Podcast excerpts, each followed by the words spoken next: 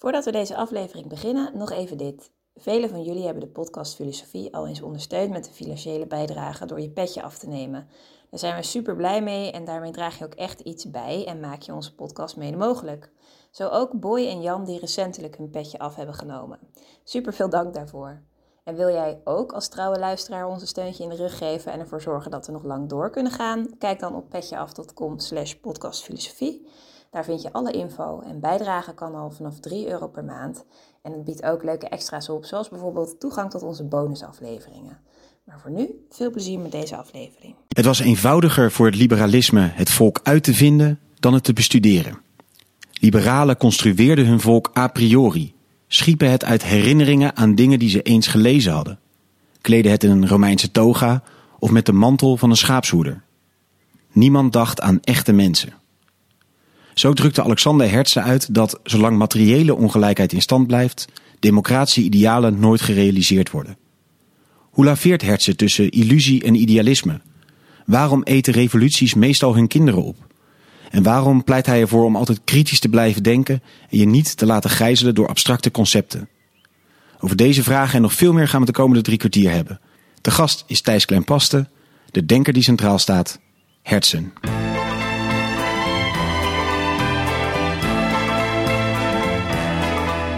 Les docks où le poids et l'ennui me courbent le dos. Ils arrivent le Dag, goed dat je weer luistert naar een nieuwe aflevering van de podcast Filosofie van het Centre Erasme, School voor Filosofie in Zuid-Frankrijk, Vlaanderen en Nederland. Mijn naam is Allard Amelink. Het concept van deze podcast is simpel. Er is een hoofdgast, een presentator en een sidekick. En in ongeveer 45 minuten duiken we in het denken van één filosoof. Tegenover mij zit Jozef Vaanders. Goedenavond. En op wat verdere afstand in Oregon zit Thijs Kleinpaste. Hallo. Dag Thijs, mooi dat je bent. En jij studeerde geschiedenis aan de Universiteit van Amsterdam en aan de University van St. Andrews. En je promoveert momenteel op Isaiah Berlin aan de Georgetown University in Washington DC. We gaan het vandaag niet hebben over Isaiah Berlin waar jij op promoveert, maar wel over uh, een andere denker die centraal stond in het boek dat jij schreef tegenover Dostoevsky. Um, ja. Nogmaals welkom en we gaan het dus hebben over Alexander Herzen. En um, Alexander Herzen was een Russisch filosoof, schrijver en publicist die leefde van 1812 tot 1870. En um, een mooie titel die hij wel eens wordt gegeven is Vader van het Russisch Socialisme. En Thijs, ja. uh, van waar deze grote titel en uh, is het ook een beetje terecht dat hij die uh, titel krijgt? Nou, Herzen heeft deze titel gekregen um, allereerst omdat hij zichzelf een socialist noemde en behoort tot een generatie die um, het socialistisch gedachtegoed in Rusland is beginnen vorm te geven.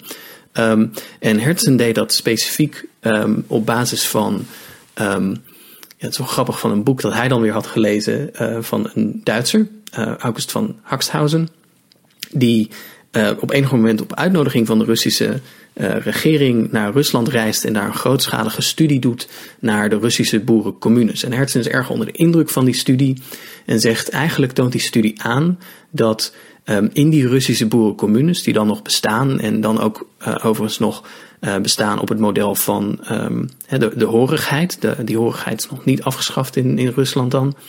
Um, dat daaruit blijkt dat die boeren ja, toch op een bepaalde manier met elkaar samenleven, niet zijn uh, verpest tussen aanhalingstekens door allerlei moderne opvattingen over privébezit, bourgeois opvattingen over privébezit. En dat dus, zegt Hertzen, daar misschien wel de mogelijkheid ligt om iets van een socialistische samenleving uh, dichterbij te brengen.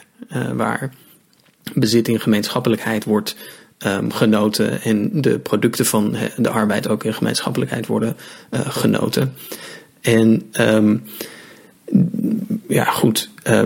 Of dat nou dan uitkomt, is, is een tweede.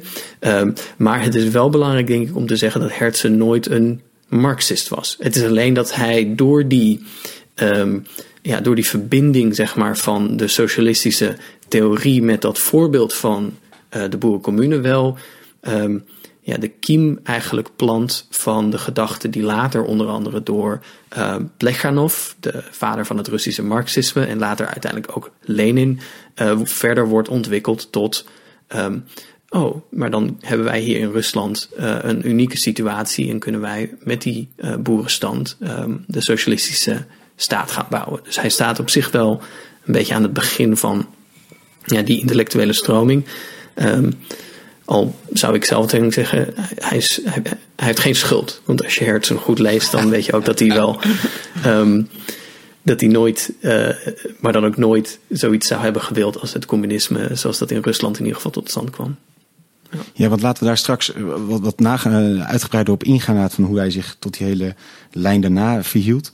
Um, want, want, kun je eens iets over zijn, zijn denken zeggen, inderdaad? Want hij is dus inderdaad pas in de socialistische traditie, het is een Rus.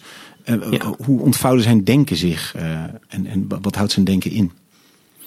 Nou, um, Herzen is eigenlijk al van, van jongs af aan heel erg politiek uh, geëngageerd. Hè. Um, in Rusland vindt een uh, mislukte revolutie plaats in 1825. Dat is de uh, decabristenopstand, waarbij um, een elite in, in de Russische krijgsmacht eigenlijk probeert om op Europese wijze um, hervormingen af te dwingen uh, de tsaar te dwingen. Uh, en dit gebeurt op het moment van uh, de troonswisseling.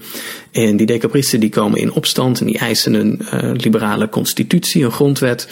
Um, en dat wordt keihard neergeslagen. Al die decabristen die worden ofwel naar Siberië verbannen en de leiders worden om het leven gebracht.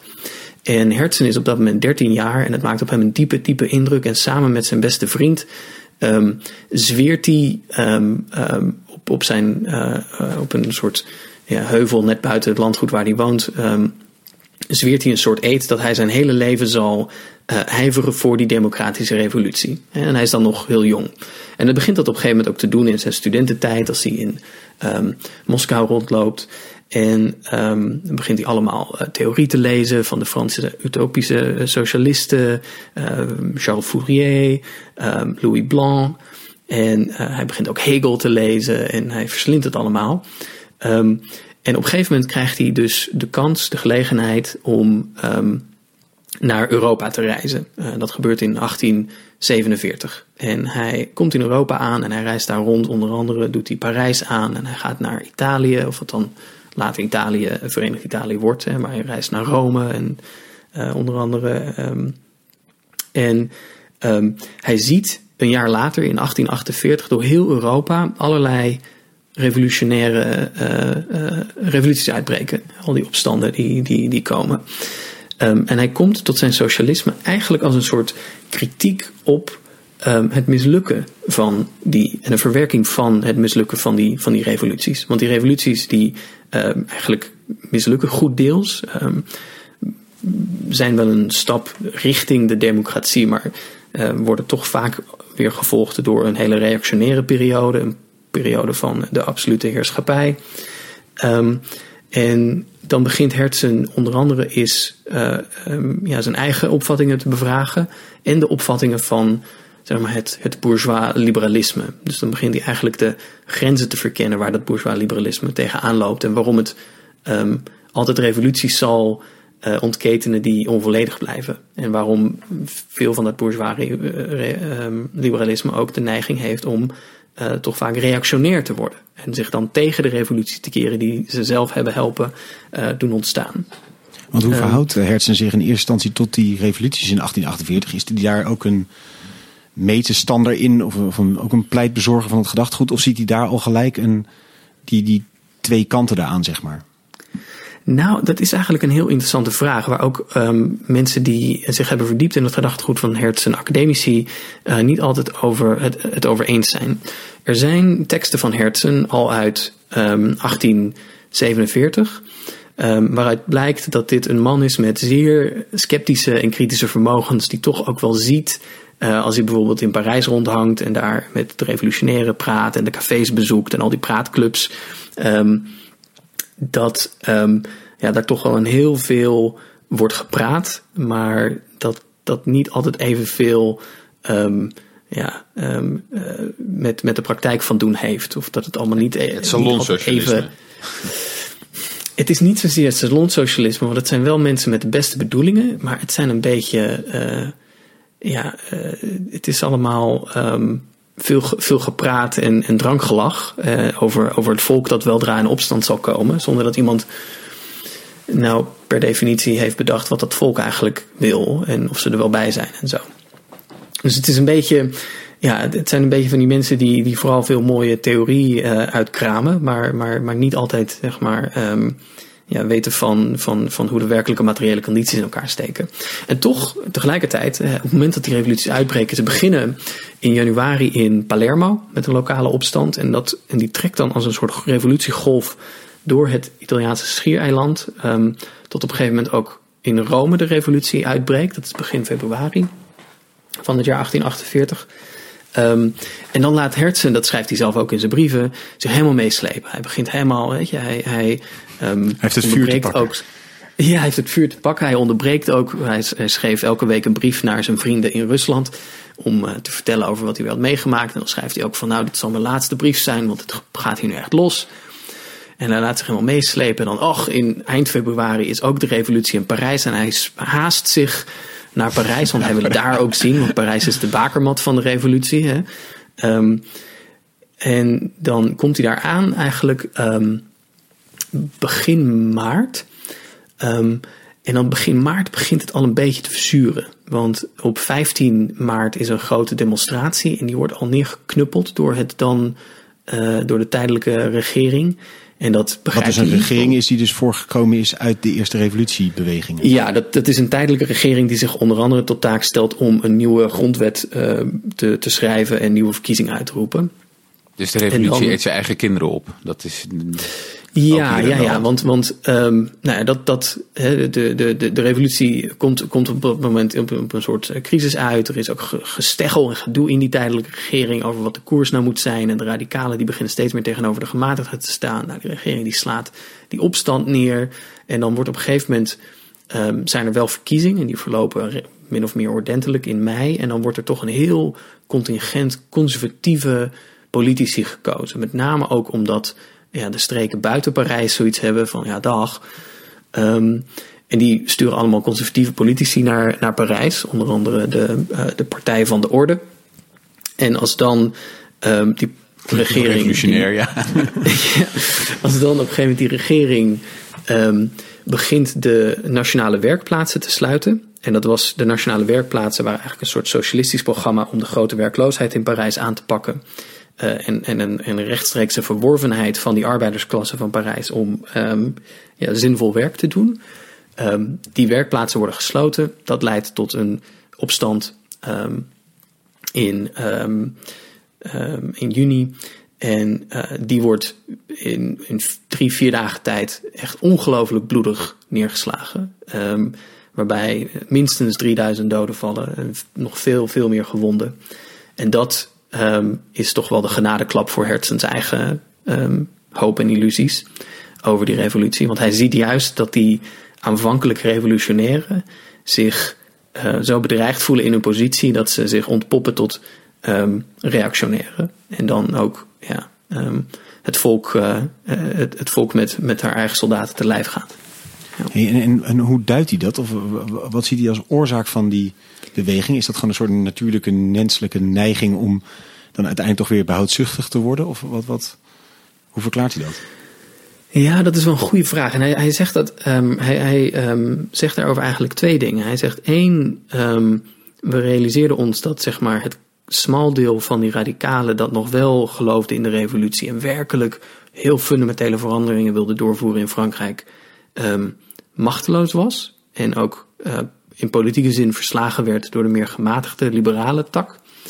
En twee, hij zegt, um, die liberalen die het vlammetje van de revolutie aanwakkeren en op het moment dat die machtsverandering um, heeft plaatsgevonden, dan dus ook in, in de regeringszetel belanden, uh, dan proberen het vlammetje van de revolutie zo snel mogelijk te doven, wel tevreden zijn met hun um, nieuw gewonnen machtspositie. Um, en ook niet werkelijk al hun economische belangen bijvoorbeeld op het spel willen zetten. Hè? Um, die dan ineens denken, oh ja, nu, nu is de revolutie wel, wel voldoende gelukt. Want we hebben, we hebben de koning immers verjaagd en we hebben nu een, een, een republiek en een parlement. Um, en dan zeggen, nu is het genoeg, nu is het genoeg. En Hertzen zegt, ja, maar dat is dus niet genoeg, want jullie hebben helemaal niets veranderd aan de economische orde. Uh, bezitsverhoudingen zijn ongewijzigd. Je hebt slechts de koning verruild voor een soort bourgeois regime van ja, mooi babbelende liberalen Maar, maar wat heeft die Parijse arbeider nou gewonnen? Eigenlijk helemaal niets.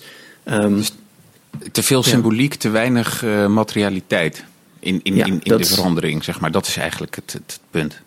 Ja, dat is correct. En Hertzen schrijft ergens van, ja, het is toch ook een, het spreekt toch wel van een grote ijdelheid en overschatting dat je denkt dat de mens vrij kunt worden door uh, een, een mooi uh, mooi geïllustreerde editie van uh, de droit de l'homme, van de rechten van de mens, uh, uit te vaardigen. En dan te zeggen, zie hier, we zijn nu vrij. En dat de arbeider zegt, sorry?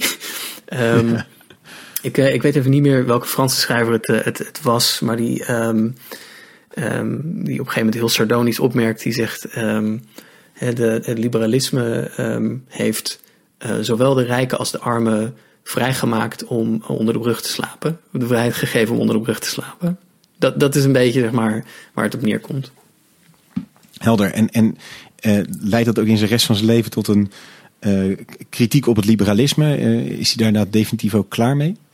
Maar heel, heel even nog even, want, want hij verwijt dit dus het liberale denken. Het, om dat nog even scherp te krijgen. Het mislukken van deze revolutie, de schuld daarvan ligt voor een groot deel bij het liberale denken. Is, is dat de, de analyse die hij maakt?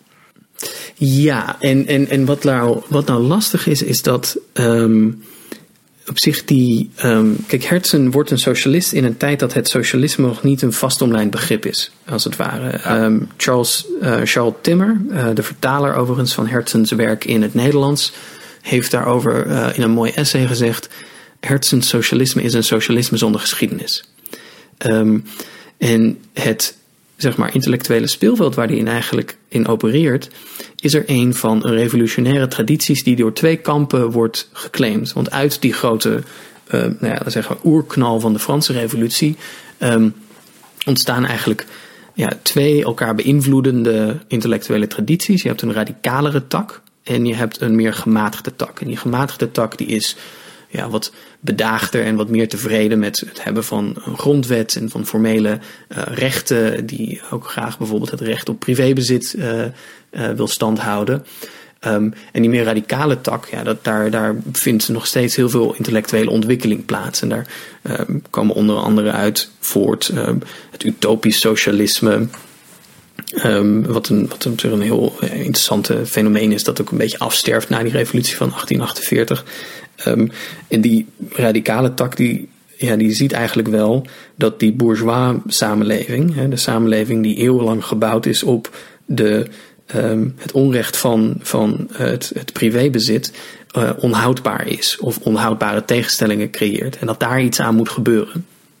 En um, dat is waar Hertzen dus ook tegenaan loopt. Hij zegt, ja, binnen die um, progressieve beweging moet eigenlijk een soort ja, um, een, een, vernieuwing plaatsvinden. We, we, we, moeten, we moeten ons realiseren dat revoluties niet beginnen en eindigen met die hoogdravende taal en met die mooie verklaringen over de rechten van de mens, maar dat er iets werkelijk, ja, een, een, een materiële, een werkelijke bevrijding moet plaatsvinden in het leven van heel veel mensen. En eh, om dan het, terug te komen op die vraag, eh, die liberalisme kritiek, is dat de belangrijkste rode draad door zijn denken? Of wat zou je daarvan zeggen? Um, nou ja, ik zou, ik zou wel zeggen dat dat de um, belangrijkste rode draad is door zijn denken. Maar Hertzen hangt het heel erg op aan een soort ja, wat groter punt over de rol die eigenlijk politieke theorie speelt in ons politieke denken. In, en ook in ons vermogen om na te kunnen denken over politieke vraagstukken. Um, en Hertzen merkt erbij uh, op dat we ons heel, laag, heel vaak toch laten gijzelen door allerlei um, concepten en categorieën die helemaal niet op het leven passen. Hij heeft daar ergens een heel mooi citaat over die zegt. Um, die, die, die op zich revolutionair ingestelde liberalen van, van weleer, dat waren mensen met uitsluitend goede bedoelingen. Um, maar ze begrepen niet zo goed wat, nou, wat ze nou moesten doen. Um, want ze leerden over het volk dat ze op een voetstuk plaatsten. Hè, het volk uh, dat, dat de revolutie moest maken. Ze leerden over het volk um, door uh, het te bestuderen in oude boeken. Door het aan te kleden in een Romeinse toga en te doen alsof daarmee de kous wel af was. Maar niet door zich eens een keer uh, naar de markt te begeven en met mensen te spreken. Um, en hij vergelijkt ze met biologen die denken dat je de natuur kunt bestuderen door naar, um, uh, door naar de Hortus botanicus te gaan. Um, wat natuurlijk niet zo is, want het zijn geïsoleerde planten. En, en, je leert daar toch weinig over het ecosysteem en hoe planten ja, met elkaar in een ecosysteem uh, groeien en, en, en functioneren. En Hertzen zegt, en dat is nou het probleem van die revolutionaire kanon, is dat die veel te theoretisch is. Is dat we allemaal um, Tacitus en Cicero hebben gelezen en allemaal Polybius en, en Plato, um, maar dat we daarmee allemaal eigenlijk ja, minder zijn gaan begrijpen over politieke vraagstukken in plaats van meer.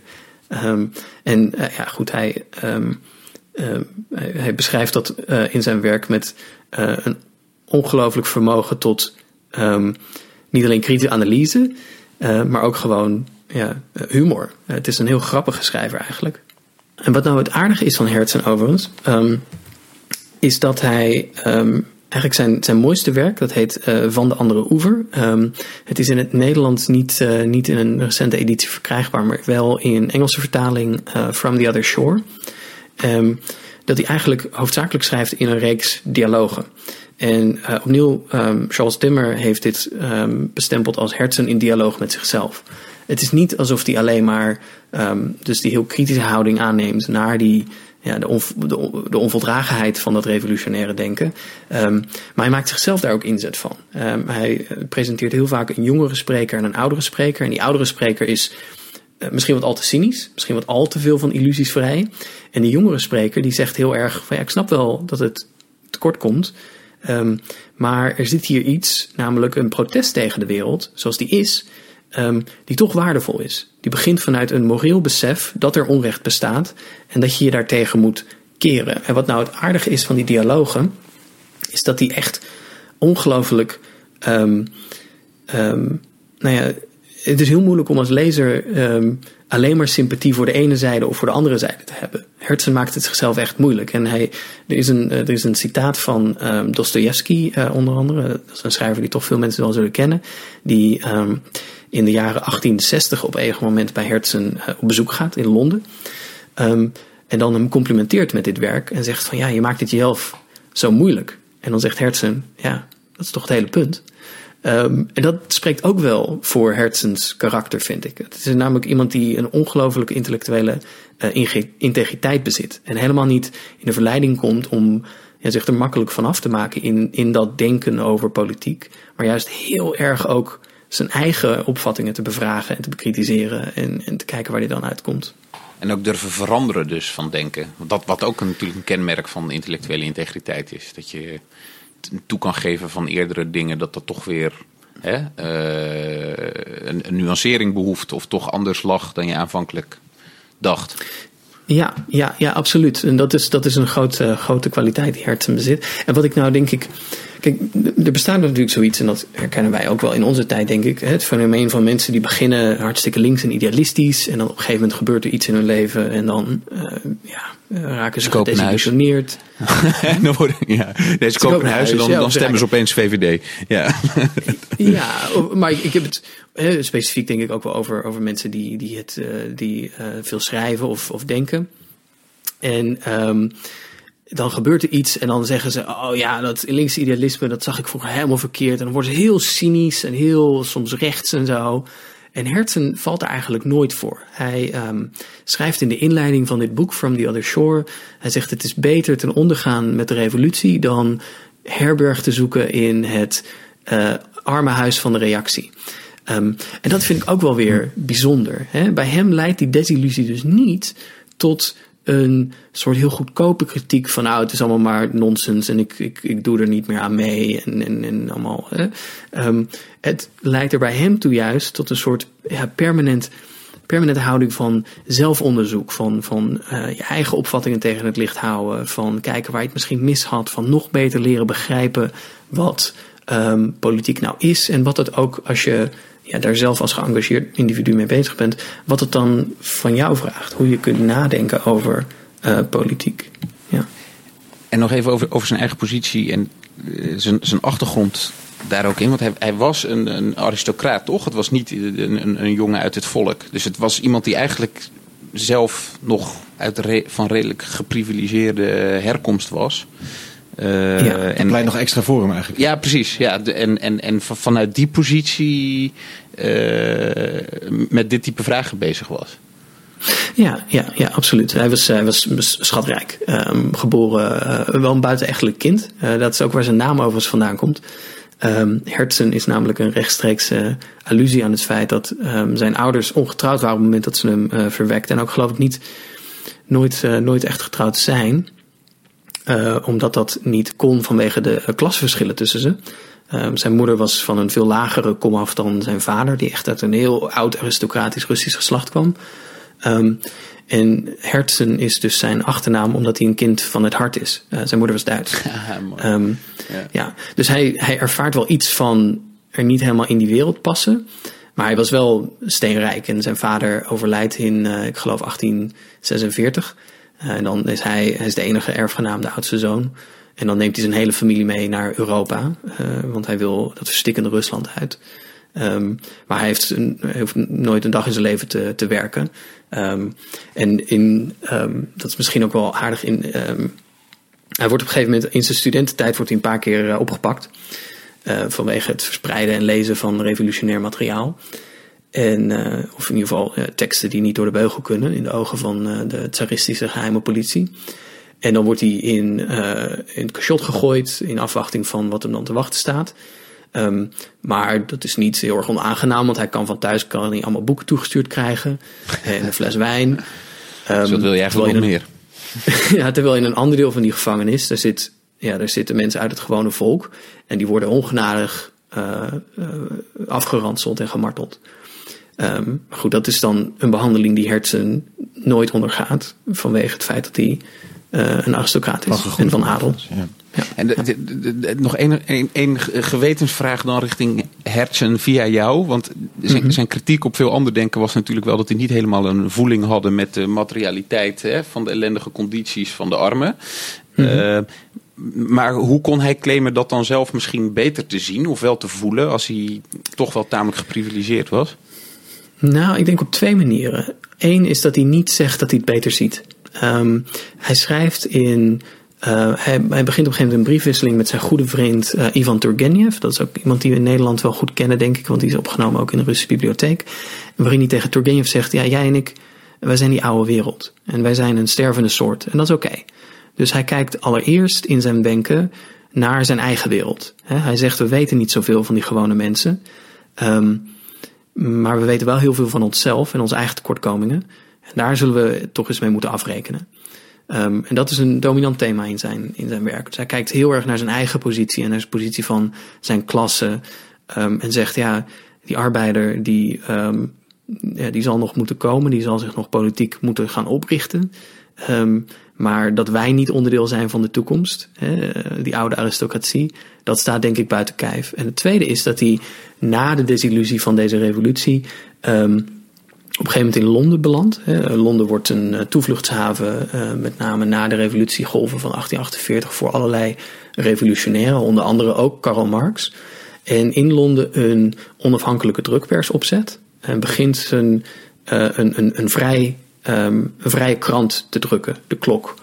Um, uh, ja, de klok. Um, en die wordt Rusland ingesmokkeld en ja, helpt daar om Russen zich bewust te worden van zeg maar, de politieke ontwikkelingen in Europa, maar ook kritiek te uiten op de politieke ontwikkelingen in, in Rusland. Uh, omdat dat dus een, een, een, krant is die vrij van de Russische uh, censuur uh, dat kan doen. En hij leent dat platform ook heel nadrukkelijk aan um, anderen. het is niet alsof hij dat hele blaadje zelf vol pent, al blijft hij hoofdredacteur. Um, dus hij ja, hij, hij zegt eigenlijk: ik kan de revolutie het beste dienen door dit platform nu op te zetten en dat ook uit te lenen aan, aan anderen. Helder. Hey, je noemt Karl Marx al even. Ik was, we starten al even met de, de langere lijnen van het, het socialisme. Mm -hmm. En later Marxisme, et cetera. Um, hoe is hij überhaupt ontvangen in de, in de tijd daarna, zeg maar? Hoe, hoe verhield hij zich tot zijn tijdgenoten en, en die periode die daarna volgde? Want je zegt, voor hem ligt niet zoveel, maar wat ligt er allemaal na hem? Um, ja, dat hangt een beetje ervan. Na hem in Rusland of in Europa? ja, beide gewoon, hoe is een beetje zijn intellectuele receptie geweest, zeg maar? Mhm. Nou, omdat het genre waarin hij schrijft niet echt een heel um, vastomlijnd genre is. Hè, dat wil zeggen, uh, Marx heeft iets in de aanbieding. Een theorie over klasse en over economie. Um, Tocqueville heeft iets in de aanbieding. Dat was ook een tijdgenoot van Herzen. Um, namelijk een analyse over de democratie.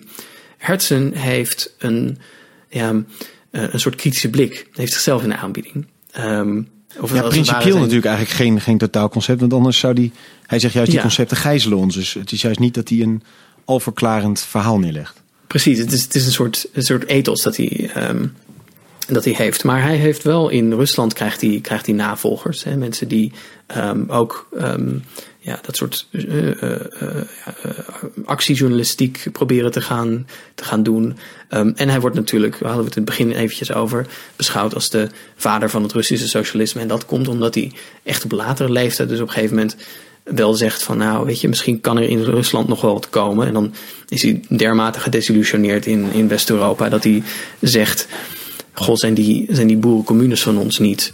Um, zou, zou daar niet de sleutel zitten tot een soort nieuwe, um, ja, uh, nieuwe manier van, van leven. Um, en daar wordt hij overigens door zijn goede vriend Turgenev echt heel erg hard om uitgelachen. Um, want Turgenev die zegt van, nou, is dit nou... nou ja, sportief. Ja. Um, nee, goed kritisch blijft denken, nee precies. Ja, ja het, wordt, het wordt een beetje vinnig tussen ze, maar ze legt uiteindelijk ook bij. Maar Turgenev die zegt van, is dit nou, is dit nou de Herzen die ik ken? Hè? De grote scepticus, de grote, grote, um, denk, of, de grote, grote kritische geest die altijd door dit soort... Um, ja, illusies heen prikt. Hè? Wat heb je nou? Heb je, ga je nou een altaar zitten oprichten voor die Russische boerencommunes? En dan zegt Herzen, oh, oh nee, nee, nee, nee, nee. Het is niet dat ik denk dat dat per definitie zo gaat. En dat dat ook per definitie uitdraait op socialisme. Ik zeg alleen dat in die boerencommunes niet de, um, ja, de, de, de West-Europese ideeën over de onschendbaarheid van het privébezit um, hebben postgevat. En dat je dus daar misschien nog wel mee wat kunt beginnen. Want hij begint op een gegeven moment te zeggen van ja, Europa, dat wordt nooit wat. Want daar is iedereen veel te veel gehecht aan de opvatting over privébezit die eigen is aan het liberalisme. En daar, dat, dat, ja, dat is, dat, daar, daar kom je niet doorheen. Kom je niet doorheen. Nee. Ja, ja. Hey, en, en uh, bijvoorbeeld een Marx dan, want zo'n uh, luis in de pelsdenker, kan me voorstellen dat je daar niet zo op zit te wachten als je net een, een episch werk hebt geschreven, of epische werken over hoe de wereld eruit gaat zien. Hoe hoe ja. verhoudt hij zich bijvoorbeeld tot zo'n Marx? Ja, dat is, hij, hij beweegt zich dus in Londen een beetje in, in dezelfde kringen als Marx. Want dat gaat om de emigré-gemeenschappen. Uh, um, maar ze moeten elkaar niet. Um, want um, Herzen, uh, Marx, Marx is wantrouwig voor Herzen. Want Marx was enorm paranoïde over alle Russen, omdat hij dacht dat het allemaal geheime agenten waren. um, en Marx heeft het natuurlijk ook, zoals we weten, flink aan de stok gehad met Bakunin. En Herzen was goed bevriend met Bakunin. Dus dat ging voor geen meter. En Herzen op zijn beurt moest Marx niet, want hij vond Marx autoritair en uh, veel te veel omgeven door een club ja-knikkers, die hij ook Marxoïden noemde. Um, heel komisch. En um, dus dat, ja, eh, dat, dat boterde niet tussen de twee. Ik zou ook zeggen dat er in hun denken een heel wezenlijk verschil is. En dat is dat Herzen zegt met Marx de bron van um, het probleem is die opvatting over privébezit. En zolang je een regime um, zult, uh, um, uh, zult hebben dat het privé, dat is toegewijd aan het um, beschermen van het privébezit, het uh, beschermen van de bourgeoisie en het belang van het kapitaal, zul je niet tot een werkelijke ontwikkeling van een democratische vrijheid kunnen komen. Want je zult uiteindelijk altijd, en dit is ook het bewijs daarvoor wordt geleverd in die revolutie van 1848, want je zult altijd de arbeidersklasse die in opstand komt als een bedreiging ervaren voor jouw belang. En dan zul je dus het leger op ze afsturen. En dit is wat gebeurt ook hè, in juni 1848. Want het zijn de arbeiders die hun belangen proberen te beschermen. Uh, te hoop lopen tegen het sluiten van die werkplaatsen. En dan de bourgeoisie die zegt absoluut niet. En het leger erop afstuurt. Um, maar waar Marx op een gegeven moment natuurlijk met een theorie komt die zegt. um, ja, die, die, die bezitsverhoudingen, dat zal eigenlijk alleen maar leiden tot een verscherping van de kapitalistische tegenstellingen, totdat ja, daar een revolutie uit zal moeten voortkomen. En dan wordt het privébezit afgeschaft en dan zullen we een nieuwe tijdperk uitbreken. Is dat niet iets dus wat het draagt toch bij aan het goede uiteindelijk, zeg maar?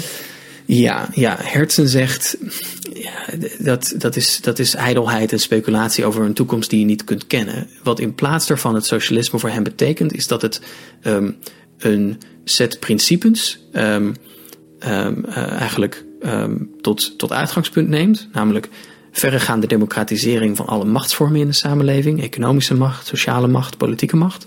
En dat op basis van die principes, die waarschijnlijk nooit helemaal zullen worden verwezenlijkt, een uh, geschiedenis zich zal ontvouwen van politieke strijd die ja, toch heel interessante politieke uh, levensvormen zal voortbrengen en uh, politieke ja, regimes zal voortbrengen. En dan heb ik het dus niet over uh, communisme of zoiets. Maar voor Herzen zou bijvoorbeeld de naoorlogse sociaaldemocratie hier prima inpassen. Hè, met haar grote rol voor de vakbond en haar grote rol voor het werkgeversoverleg met de vakbond om samen um, het economisch beleid vorm te geven. Dat is denk ik meer wat Herzen voor over heeft. En hij ziet dat op een veel grotere schaal. Hij zegt eigenlijk de geschiedenis uh, is in te delen in tijdperken. Je hebt de klassieke tijd met de Romeinse Republiek en later het keizerrijk.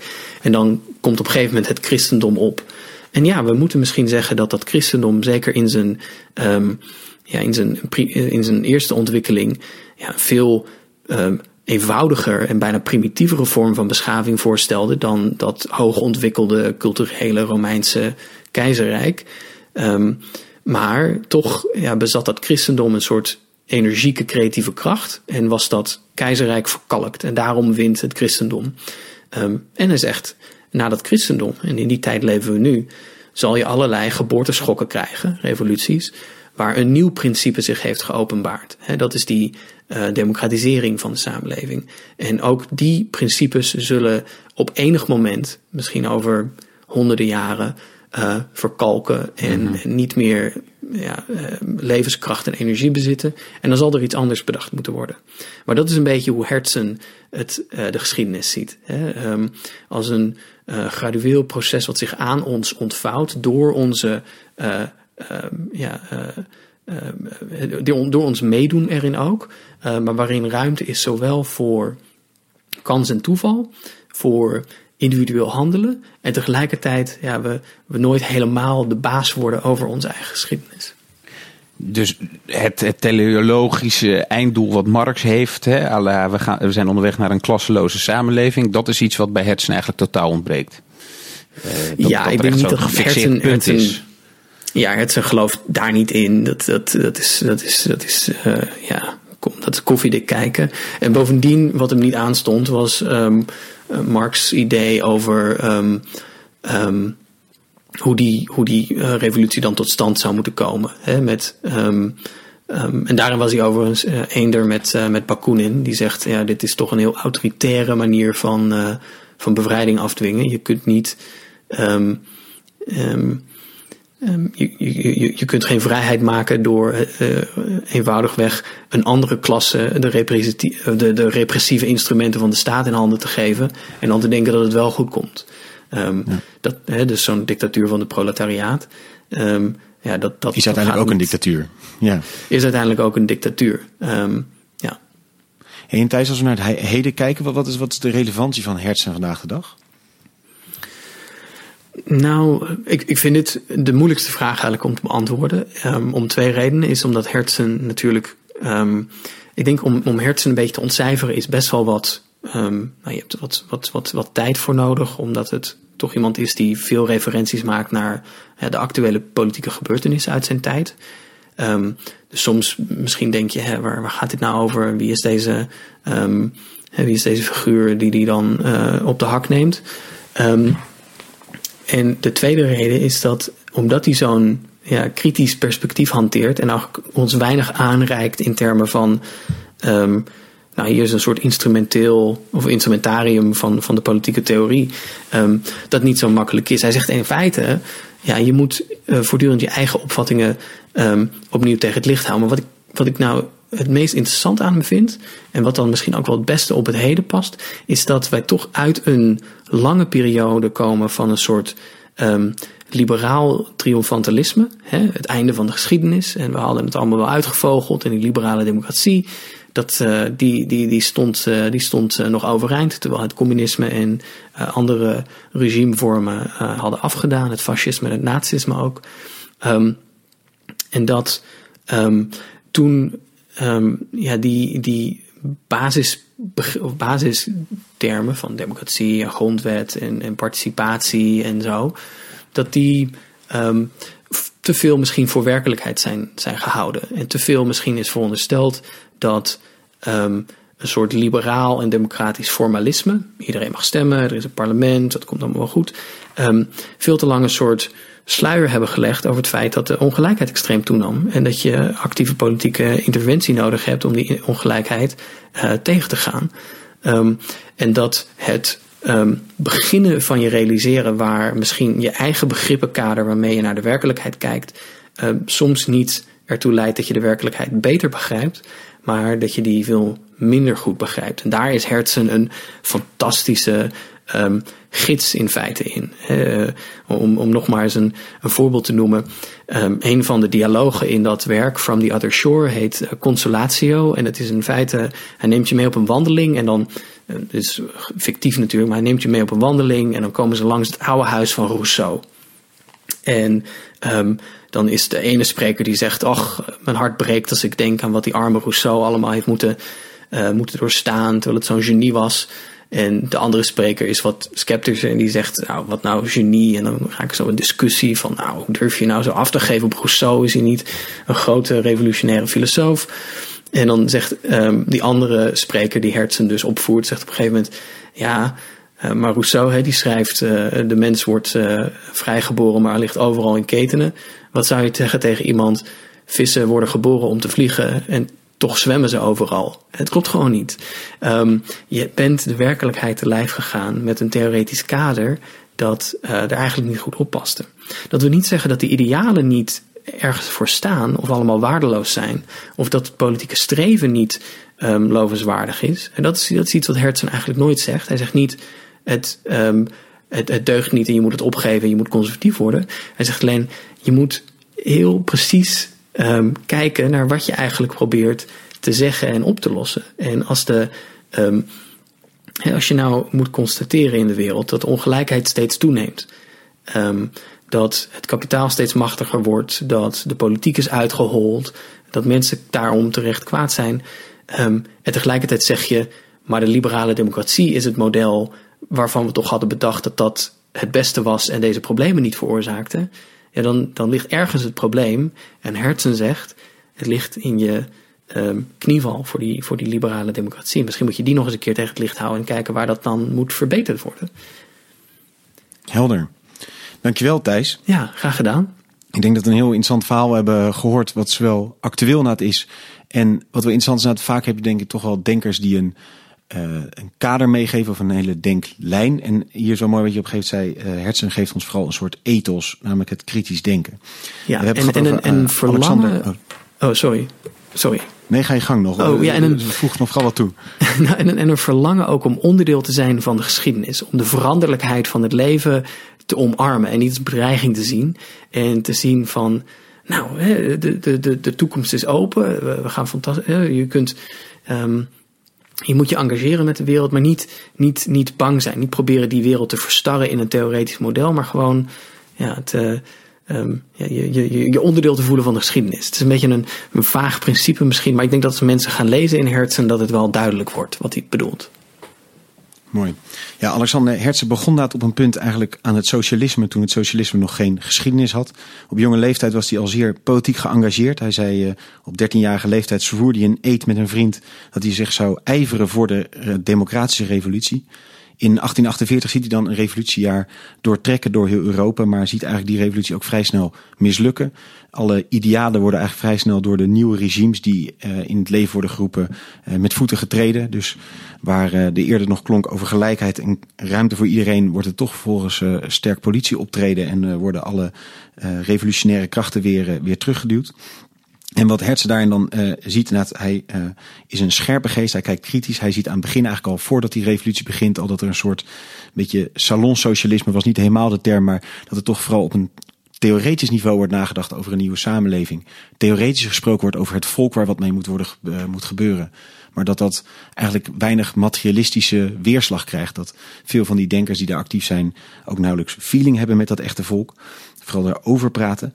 En um, wat hij dus ziet is van hoe kan het nou dat dan die uh, conservatieve backlash wordt gepakt in die revoluties van 1848? Hoe komt het nou dat die liberale democratie niet uh, de, de motor blijft van, van verandering? Dat is uh, omdat de gematigden winnen, omdat uiteindelijk bij veel liberalen het vlammetje vrij snel dooft van hun ja, revolutionaire gedachtegoed, omdat ze dan eigenlijk wel hun schaapjes op het droge hebben en hebben bereikt wat ze willen. En dus niet daadwerkelijk door willen gaan met die revolutie. Um, je kunt heel mooi de rechten van de mens ophangen, de universele rechten van de mens, maar daar heeft uiteindelijk niemand iets aan op het moment dat je niet dat ook materialistisch op een bepaalde manier vertaalt en je daadwerkelijk ook gelijker in bezitsvorm bijvoorbeeld bent. Daarom pleit uh, Hertzen voor een soort permanente vernieuwing. We moeten ons niet opsluiten in één dus totaalbeeld van hoe die wereld eruit moet gaan zien. We moeten niet denken dat het daar dan uiteindelijk te vinden is, maar je moet altijd kritisch blijven denken en ook kritisch blijven reflecteren op de tijd waar je in zit. Want uh, als je je laat gijzelen door je concept, dan ga je vanzelf een gegeven de werkelijkheid onrecht moeten aandoen om maar aan dat concept te kunnen voldoen. Hij balanceert daar een beetje, beetje tussen illusies en idealisme, maar uh, moedigt ons dus vooral aan om daarin uh, permanent kritisch te blijven denken als een houding. Niet het vlammetje te laten doven van uh, uh, dat het anders kan. En zoals je mooi ook nog net toevoegt, Thijs, onderdeel te worden van de geschiedenis. En te weten dat we ook kunnen bijdragen en dat de dingen kunnen veranderen. Niet met één abstract eindpunt in beeld, maar wel met een permanente beweging. Dat er een democratisering mogelijk is van op sociaal gebied, op economisch gebied en op politiek gebied. En heel hartelijk dank nogmaals Thijs. Volgens mij een buitengewoon actueel en uh, interessant verhaal over Alexander Hertzen. Jozef, jij ook dank. En uh, vooral aan de luisteraar heel hartelijk dank voor het luisteren. We waarderen het zeer dat we ook zoveel positieve reacties krijgen. Laat vooral ook een review achter in de podcast app als je inderdaad ons waardeert.